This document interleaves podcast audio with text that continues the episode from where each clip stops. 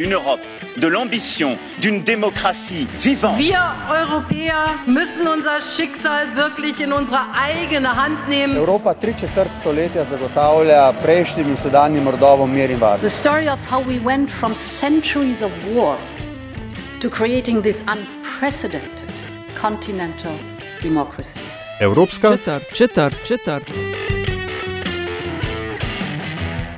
If uh, uh, Fidesz is not uh, part of the mainstream thinking and behavior of the EPP, there is no place for Fidesz inside uh, the EPP.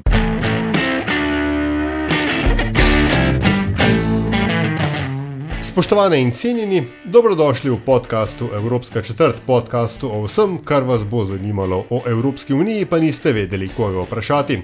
Evropsko četrt vodiva Aljaš Pengov Bitenc in Nataša Briškin, podcast domuje na spletni postaji metina lista.si, v vašem nabiralniku pa sveža epizoda, takoj ko je na voljo. v tem podkastu, pa in šire, kot bi se reklo včasih, eh, pogosto govorimo o evropskih strankarskih družinah. O strankah, pa družinah, pa o strankah na evropski ravni, pa o vseh teh evropskih stvarih. In eh, zadnje mesece, da ne rečemo leta, je eh, v ospredju, v centru javne pozornosti ena strankarska družina, ki se ji reče Evropska ljudska stranka, oziroma večino, veliko krat jo označimo s kratico EPP, Europeans. European People's Party. A, razlog za to je, so, je, je, je seveda kontroverza a, glede mačarske desno-sredinske ali pa desno-politične stranke Fides pod vodstvom a, Viktorja Orbana, ki, jo, ki je že leta in leta tik pred tem, da jo vržejo bodi si iz um, Evropske ljudske stranke v Evropskem parlamentu ali pa kar iz Evropske stra- strankarske družine EPP, pa se vendarle nikoli ne zgodi tisti zadnji korak. Um, tudi o tem ne, se bova midva Nataša pogovarjala z najno današnjo gostjo, ki je. Ja, to pa je profesorica dr. Alenka Krašovec, redna profesorica na FDV, raziskovalka na Centru za politološke raziskave, ki nam bo pomagala razumeti, kdo ali kaj in zakaj EPP oziroma Evropska ljudska stranka pravzaprav je. Um, profesorica Krašovec, pozdravljeni v Evropski četrti. Pozdravljeni. A sem na začetku ujela vse uh, titule, manjka kaj? A ja, ne, vse, vse. Ne, ne, re, ne ma- e- ena manjka. Ne. Katera? Uh, ja, da je- bila um, dr. Alenka Kraševec um, tudi um, predavateljica oziroma izvaja, izvajalka vaj ne, v času, ko je bil Pengovski na FDV-ju. ne, Tako da ima še to travmo, poleg uh, vseh ostalih, ima ima v, Ja. v svojem CV-ju. ne. Um, ok, se pravi, tema je EPP. Ne, uh, da, bodo, da bo naše občinstvo bolje razumelo, kdo ali kaj ta uh, grupacija pravzaprav je, ali lahko nam pomagate to razumeti. Zdaj, kdo so člani, kako močni so, če vas nekdo vpraša, uh, kdo je EPP. Uh, profesorica Krašovec reče kaj. Eh, Evropska ljudska stranka je ena izmed najstarejših eh, političnih strank na evropski ravni, ki je bila ustanovljena 1976. leta. Tako kot ostale evropske stranke, tudi ta politična stranka na evropski ravni združuje nacionalne politične stranke, ki se v največji meri lahko rečemo orientirajo v eh, desno-sredinsko politično opcijo, oziroma tako kot imajo tudi zapisano, ne, da uh, se v politično stranko na evropski ravni, ki se imenuje Evropska ljudska stranka, združujejo krščansko-demokratske oziroma podobno orientirane politične stranke. Tako da nacionalne politične stranke, tako kot rečeno pri vseh ostalih evropskih strankah, so članice tudi Evropske ljudske stranke. Uh, če pogledamo malce nekatere številke, ne, lahko recimo ugotovimo, da, ljudski, da se v Evropsko ljudsko stranko združuje preko 80 nacionalnih političnih strank.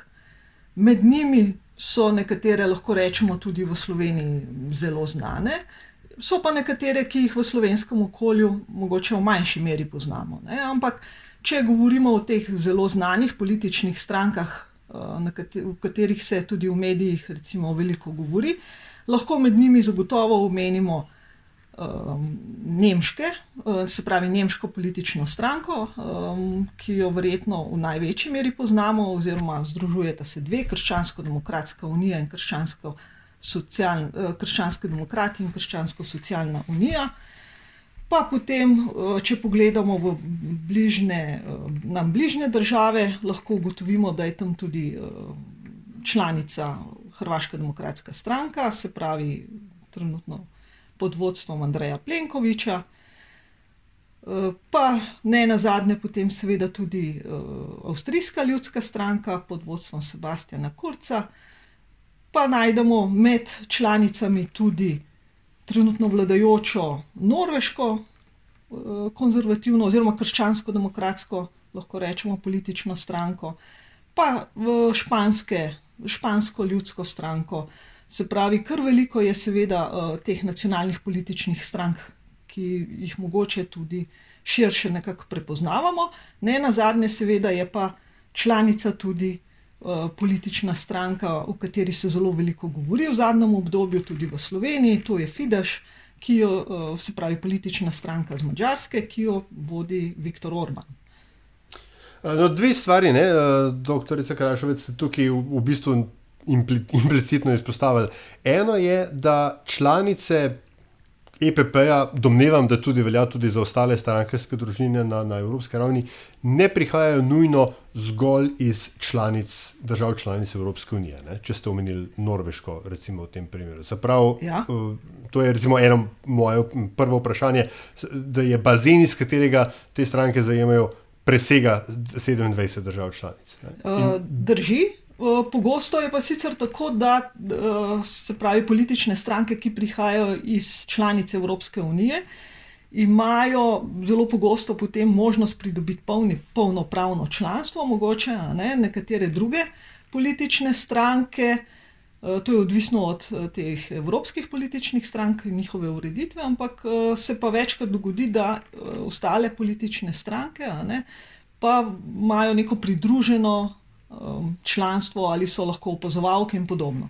Mm. No, mogoče bolj pomembno vprašanje pa seveda je, ne, tudi s tem, ko ste opisali, ne, našteli različne te stranke, je seveda verjetno pomembno vedeti, v Sloveniji se to pogosto pozabi, ne, a, da je to relativno širok spekter a, na, politi, na, na, na, na, tam poli- na, de, na recimo desnem polu političnega spektra, da je tudi ta, znotraj tega spektra so pa te stranke zelo n- nihali, pa bi jih zelo narazen lahko postavil, glede na to, od centra do recimo desne ali pa skrajno de, desnih pozicij. Ne. Tako da, um, kaj tukaj prevl- prevladuje, recimo, kot kje kongregirajo? No?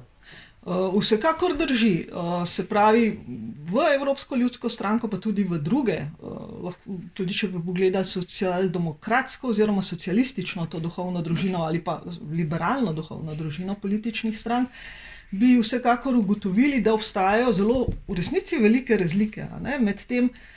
Uh, lahko bi rekli, uh, posameznimi, lahko tudi rečemo, regijami ali pa področji v Evropski uniji ali pa Evropi, tudi širše gledano, ki uh, tudi nekako določajo nekatere nacionalne specifike. Zdaj, uh, Sveda, ne, v vsaki evropski politični stranki potem najdemo, se pravi, lahko kar zelo raznolike nacionalne politične stranke, ki pa kljub vsemu imajo neke skupne imenovalce, ne, ki jih kljub vsemu uspejo povezati v to nadnacionalno, če rečemo, evropsko stranko. Se pravi, zdaj. Mislim, da jih je 182 v EPP-ju. Vodi jih eh, Manfred Weber, za desno-sredinsko veljajo, tako kot ste omenili, največja in najstarejša so. Um, ne vem, a se da v enih parih alinejah povedati, zakaj se zauzema EPP grupacija uh, v EU? Uh, ja, se pravi, evropske politične stranke v bistvu imajo nekako ta dva glavna dela, če lahko rečemo. Eno je ta Evropska stranka, drugo je pa potem politična skupina v Evropskem parlamentu. Um, nekaj čez 180 poslancev uh, združuje uh, Evropska ljudska stranka v Evropskem parlamentu, to je največje število, uh, glede na uh, posamezne politične skupine oziroma poslanske skupine, lahko tudi rečemo. Zdaj, vsekakor je uh, možno ne, videti, tudi zgodovinsko gledano, ne samo v tem trenutku, da se izrazito lahko rečemo, poudarja ta ideja in potreba po um, izpostavljanju in zagovarjanju krščanske ureditve oziroma krščanskih vrednot, ker v osnovi največkrat v resnici pomeni neko bolj tradicionalno, lahko rečemo, tradicionalne vrednote, um, neke tipične, uh, lahko rečemo, res vrednote tega desno-sredinskega uh, spektra. Zdaj, ne na zadnje, seveda gre zelo pogosto pri tej duhovni družini, če rečemo, ali pa pri tej politični stranki, seveda tudi za določeno poudarjanje nekega socialnega modela, zelo pogosto v resnici. Pa potem, seveda, ne smemo pozabiti, da je Evropska ljudska stranka bila zgodovinsko gledano tista, ki je seveda v največji meri uh, lahko rečemo, res vse čas zagovarjala to idejo evropske integracije, uh, se pravi, tudi lahko rečemo idejo nekakšnega poglabljanja, uh, če bi nekaj desetletij nazaj pogledali, in tudi razvoja te evropske demokracije. Uh, vsekakor Evropska ljudska stranka. Tako kot ne na zadnje, v resnici vse politične stranke, ki so registrirane na ravni Evropske unije, se lahko rečemo zauzema, oziroma se deklarativno in tudi v praksi, seveda, zauzemajo za uh, demokracijo, za vladavino prava. Uh, tako da mm, zdaj zadnjih... rečemo, da so te nekako um, tipične tudi vrednote, ki so pogoj za to, da se politična stranka na ravni Evropske unije lahko tudi registrira. Mm -hmm. uh, mene malo zanima tudi to, kako se je. Um, vem, a se EU ali pa kako se EU spremenja s tem, ko ji načelujejo predstavniki in predstavnice Evropske ljudske stranke, ker zdaj zadnjih 20 let je EU v narekovaju njihova. Ne? Ja. Um, njihova. Njihova ja. v smislu, da imajo predsedujočega oziroma predsedujočo, največ ministrstev, recimo temu, ne, na uh, ravni EU-ja. Ja. Tako. Ne? Ja. Uh, drži, ne gre pa kljub vsemu pozabiti, da je zelo pomembna pri, če rečemo, vladanju v Evropski uniji tudi socialistična oziroma socialdemokratska duhovna družina. Pogosto združujeta tudi, lahko rečemo, nekakšne sile. Ne? Res pa je, da najvidnejše položaje v zadnjih obdobjih, v zadnjih desetletjih, nekako zauzema Evropska, Evropska ljudska stranka. Um, zdaj, vsekakor je potrebno videti, recimo, ne, da se Evropska unija v zadnjih desetletjih uh, v določeni meri uh, kot nek sistem, oziroma kot uh, v tem političnem delovanju, tudi spremenja. Ne na zadnje, tisto, kar se je dolgo časa zagovarjalo, se pravi, nekako povečana vloga Evropskega parlamenta, se je tudi v zadnjih letih, desetletjih dogodila. Um, ne gre pa seveda pozabiti tega, da Evropska unija deluje tudi v bolj globalnem svetu, in vsaj del tega okolja je očitno pljusknil tudi v Evropsko unijo in očitno tudi nekatere principe vodenja in politike, ki jih Evropska unija, v največji meri pa pod vodstvom Evropske ljudske stranke, očitno v največji meri tudi zdaj v zadnjih desetletjih zagovarja. Tako da veliko krat se je v resnici govorilo o tem, kako se je Evropska unija spremenila tudi v nek bolj neoliberalni model. Um, verjetno deloma pod neko ideologijo oziroma pod nekimi idejami tega, lahko rečemo, evropskega oziroma ekonomskega liberalizma, deloma pa seveda bi jaz rekla tudi zaradi tega, ker se je okolje v okolici Evropske unije zelo spremenjalo in zagotovo vplivalo tudi na določene politike Evropske unije. No, ampak vidite, da ste tukaj ne, v bistvu že tudi omenili še v bistvu tretji pardon, faktor um, komplikacije ne, v, v teh um, odnosih oziroma dinamiki. Namreč eno je Evropska ljudska stranka, strankarska družina, drugo je parlamentarna skupina Evropske ljudske stranke pod vodstvom Manfreda Webra, ki je, ki je uh, največja. Mimo grede, Evropska ljudska stranka kot tako vodi pa uh, nekdanji šef sveta Donald Tusk, ne, Ja. Poljak, kar je v bistvu tudi sprememba, ker je, mislim, da je prvi vzhodni evropejc na, na, na tej tak, tako visoki Visoki poziciji. poziciji. Ja. Tako, ne. um, no, potem imamo pa tukaj seveda še vlade držav članic, ne, ki Ja. so, uh, ki, kjer pa je, ne, zdi se, zadnja, zadnje čase um, so se pravi desno-sredinske stranke nekako v, v defenzivi. Ne.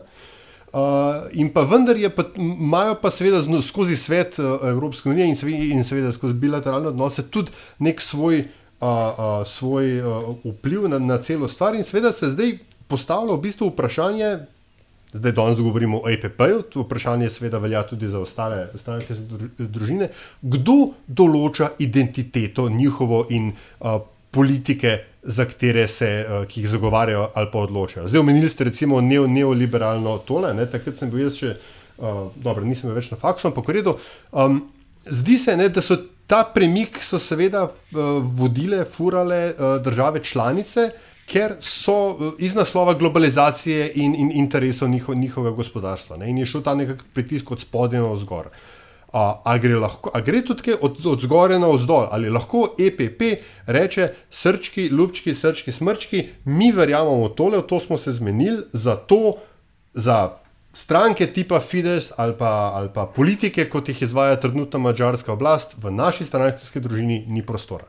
In ima potem to nek efekt. Recimo, Ja, zdaj, če pogledamo v bistvu zgodovinsko, ne, kako so se te evropske stranke razvijale, je šlo v resnici največkrat na začetku za neke zelo ohlapne povezave, kjer so nacionalne stranke ohranjale um, najpomembnejšo vlogo.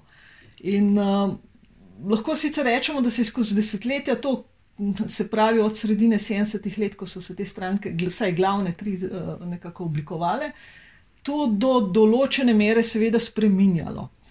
Uh, Pa kljub vsemu so nacionalne stranke še vedno v resnici zelo pomembne. ne.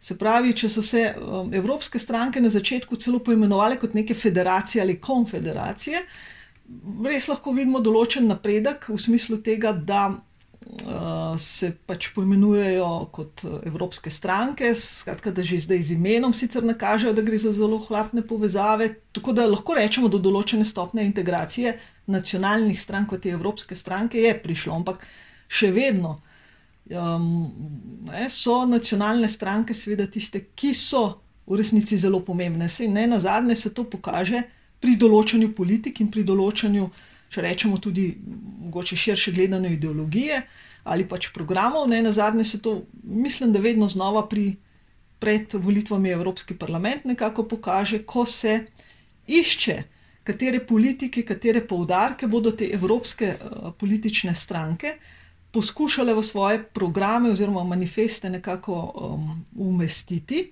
Ne, in uh, določen napredek zagotovo v tem smislu je v desetletjih bil narejen. Ne. Če so včasih spisali kakšen, uh, če lahko rečemo, program, ki ga težko opredelimo z nekih um, politoloških vidikov kot resen predvolilni program, Ja. potem lahko vidimo, da smo danes, kljub vsemu, se pravi, če bi leto 2019 pogledali, ko so bile zadnje volitve v Evropski parlament izvedene, naredili nek korak v smislu tega, da se, ne, se pravi, tudi v tem smislu vidi, eh, da se politične stranke na evropski ravni poskušajo nekako v večji meri integrirati. Ampak še vedno so nacionalne politične stranke v resnici tiste, ki v zelo veliki meri dajo ton politikam, oziroma izbirajo, katere politike se bodo uh, naslovile in kako se bodo naslovile. In ne, pod, vpraša, pod vprašanje, prosim, Nataša, ki ste že omenili uh, volitve 2019, ne, na, neki, na nek način se mi zdi, da je bil to mogoče korak nazaj ne, v smislu te integracije, ko, ker je bila m, predsednica Ursula von der Leyen predlagana, nominirana na, na položaj predsednice Evropske komisije kot rezultat čist klasičnega, ne, behind the scenes kupčkanja z uh, um, položaji in s politikami in s prioritetami med voditelji držav članic, in ne, ne kot eh, pet let predtem uh, izbrana v sistemu špicen kandidata. Uh, ki ga je takrat zelo zagovarjala kanclerka, kanclerka Merkel in ki je potem na, na, na vrh naplavil uh, Žona Kloda Junkerja, čeprav ta ni bil izbrani, priljubljen kandidat v marsikateri močni državi članici. Ne? Um, ja, drži. Uh, je pa res, da so te ideje špicen kandidatov že ob njeni uvedbi nekako, bom rekla, ne, mogoče ne ravno javno nasprotovali, ampak vsekakor izražali tudi neko nezadovoljstvo, um, lahko rečemo tudi v različnih drugih uh, evropskih uh -huh, uh -huh. Uh, političnih strankah. Tako da neka ta kritika, jaz mislim, da po petih letih je prišla do, oziroma pripeljala do tega, kar smo potem 2019. leta videli, in nekako uh, lahko rečemo odstop od te ideje špicen kandidatov. Hmm. Uh, zdaj za volitve v Evropski parlament se že dolgo časa govori, kako bi bilo dobro. Ne, to bi dalo nek znak, da so evropske stranke podobne, če rečemo, ne, ali pa da funkcionirajo podobno kot nacionalne politične stranke. Da bi oblikovali neko vseevropsko listo pri vsaki evropski politični ja. stranki, kar bi pomenilo, da bi v Sloveniji, vsaj v enem delu, lahko odločali oziroma glasovali, ne na zadnje, če rečemo tudi o recimo Weberu. Mhm. Prej ste govorili o tem, kako nacionalne stranke narekujejo tempo grupacij. Ne? Zdaj pa me zanima, seveda nas to pripelje do tistega, kar je uvodoma omenil Aljaš in sicer do Fideša. Um, mađarski poslanec Tamaš Deutsch, ali ja, samo reče Deutsch. Mislim, a? da ja. Napisan je. Ampak se bom, se bom pustil popraviti. Ja, mislim, da ja. um, on je precej grobo kritiziral vodjo skupine Webra. Uh, potem marca, mislim, da je bilo marca lani, da, so, da je EPP suspendiral Fidesz, imajo pa strašne težave z izključevanjem eh, ali z izključitvijo te stranke. Eh, nekako na nek način se zdi, da nudijo zaščito in stranki in poslancem in poslankam, ki pravzaprav vse čas grozijo samemu obstoju EU in v lastnih državah. Eh, njihovi kolegi in kolegice sprejemajo zakone, ki so v nasprotju z načelu EU. Zakaj, se, zakaj toliko omahovanja pri izključitvi? Ja, to je zelo dobro vprašanje. um, ne vem, če bom imela kakšen zelo pameten odgovor. Ampak um, zdaj, vsekakor ne, v vsaki politični stranki, če pogledamo Evropsko stranko ali pa če pogledamo nacionalne stranke, so opredeljeni neki postopki in procesi, uh, ki omogočajo na koncu lahko tudi izključitev zdaj, ali posameznega člana ali pa izključitev posamezne članice, kot je recimo lahko tudi izključitev politične stranke iz Evropske, iz Evropske, um, iz Evropske stranke. Um, Meni bi, men ja. bi se sicer hiter odgovor zdel zelo očiten, zaradi tega, ker uh, a, ena stvar je, da uh, nemška poslanska skupina zelo dobro sodeluje na mačarskem in z avtomobilsko industrijo. Se pravi, da so finance eden od razlogov, zakaj jih ne izključijo. Uh, uh, druga, ker bi s tem EPP izgubila moč. Uh, EPP bi zagotovo izgubila moč, če pogledamo, se pravi, s to izključitvijo, uh, recimo potencijalno izključitvijo Fideša, zaradi tega, ker med tistimi 180 mi in nekaj poslanci v politični skupini Evropske ljudske stranke, je recimo 13 poslancev iz uh, eh, Mačarske, mislim, da sicer niso čisto vsi iz Fideša, vsekakor je pa zelo velika večina iz Fideša. 12, mislim, da jih je. Ja, iz... ja tako no, da. Zihar, okay.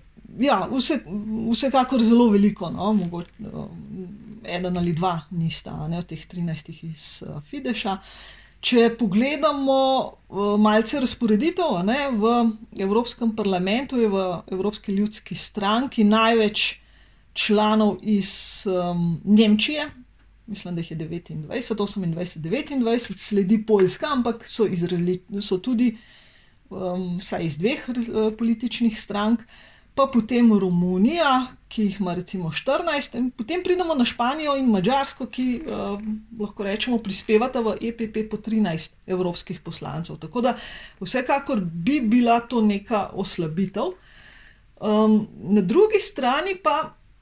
Jaz sicer moram reči, da, um, ko vidim delovanje in um, pač politike, za katere se zauzema uh, voditelj, uh, se pravi predsednik vlade Mačarske, uh, Viktor Orban sicer na eni strani je, kar lahko rečemo, kritičen do nekaterih politik, jim tudi nasprotuje ne, v veliki meri. Na drugi strani pa seveda bi jaz rekla nekako uh, mačarski, oziroma tudi mogoče njemu osebno, ne, in stranki, ki jo vodi, ni v interesu očitno, da bi uh, odhajali iz Evropske unije. Ne na zadnje, tudi če uh, Fidesz izključijo na koncu ne, iz uh, Evropske ljudske stranke, uh, bi, jaz mislim, imel na razpolago, če tako rečemo, še vedno možnost vključitve v kakšno od drugih evropskih političnih strank. Uh, tako da na eni strani vidimo marsikatere kritike, ne, strani Viktorja Orbana, na drugi strani, kot lahko beremo v medijih, očitno so tudi dost velike koristi.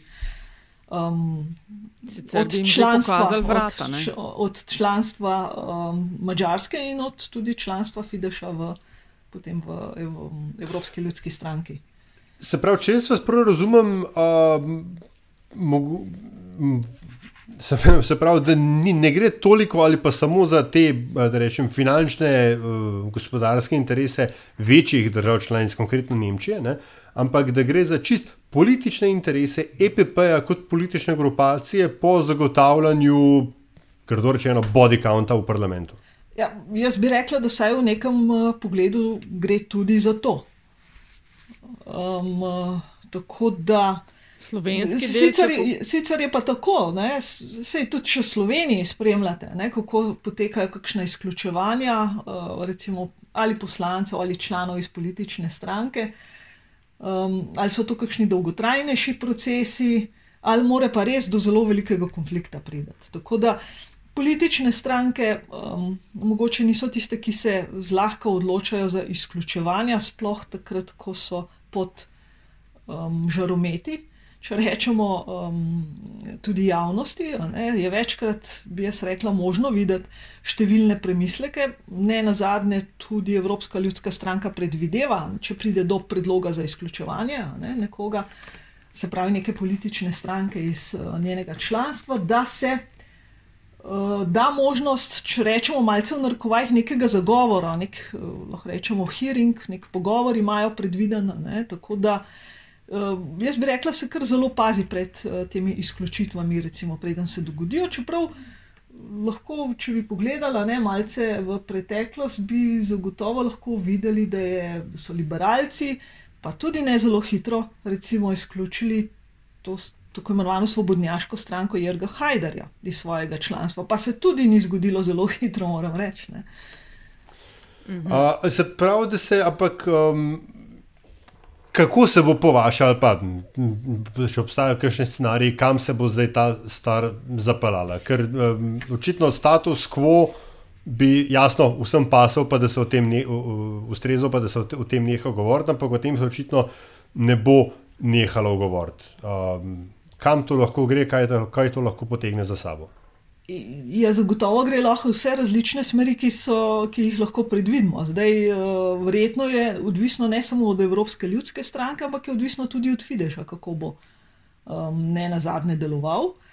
Um, pogosto se delovanje Viktorja Orbana in Fideša povezuje tudi recimo s Poljsko in pa tam vladajočo politično stranko Zakon in pravičnost. Uh, Zdaj, um, ta politična stranka, recimo, ni članica Evropske ljudske stranke, tako da, če bi poskušali vleči neke um, usporednice med njima, potem bi mogoče, tako kot sem omenila, ne, če bi Viktor Orban oziroma Fidesz odšel iz, tudi to se lahko zgodi, ne, da nekdo odide, preden ga mogoče izključijo iz Evropske uh, stranke, lahko našel. Um, Se pravi, politično stranko, katero bi se ta Fidesz oziroma Viktor Orban tudi vključil še nekje druge, kar bi pa potem pomenilo tudi nekako krepitev, vsaj do določene mere, tudi ene izmed ostalih evropskih političnih strank. Tako da v resnici ima na voljo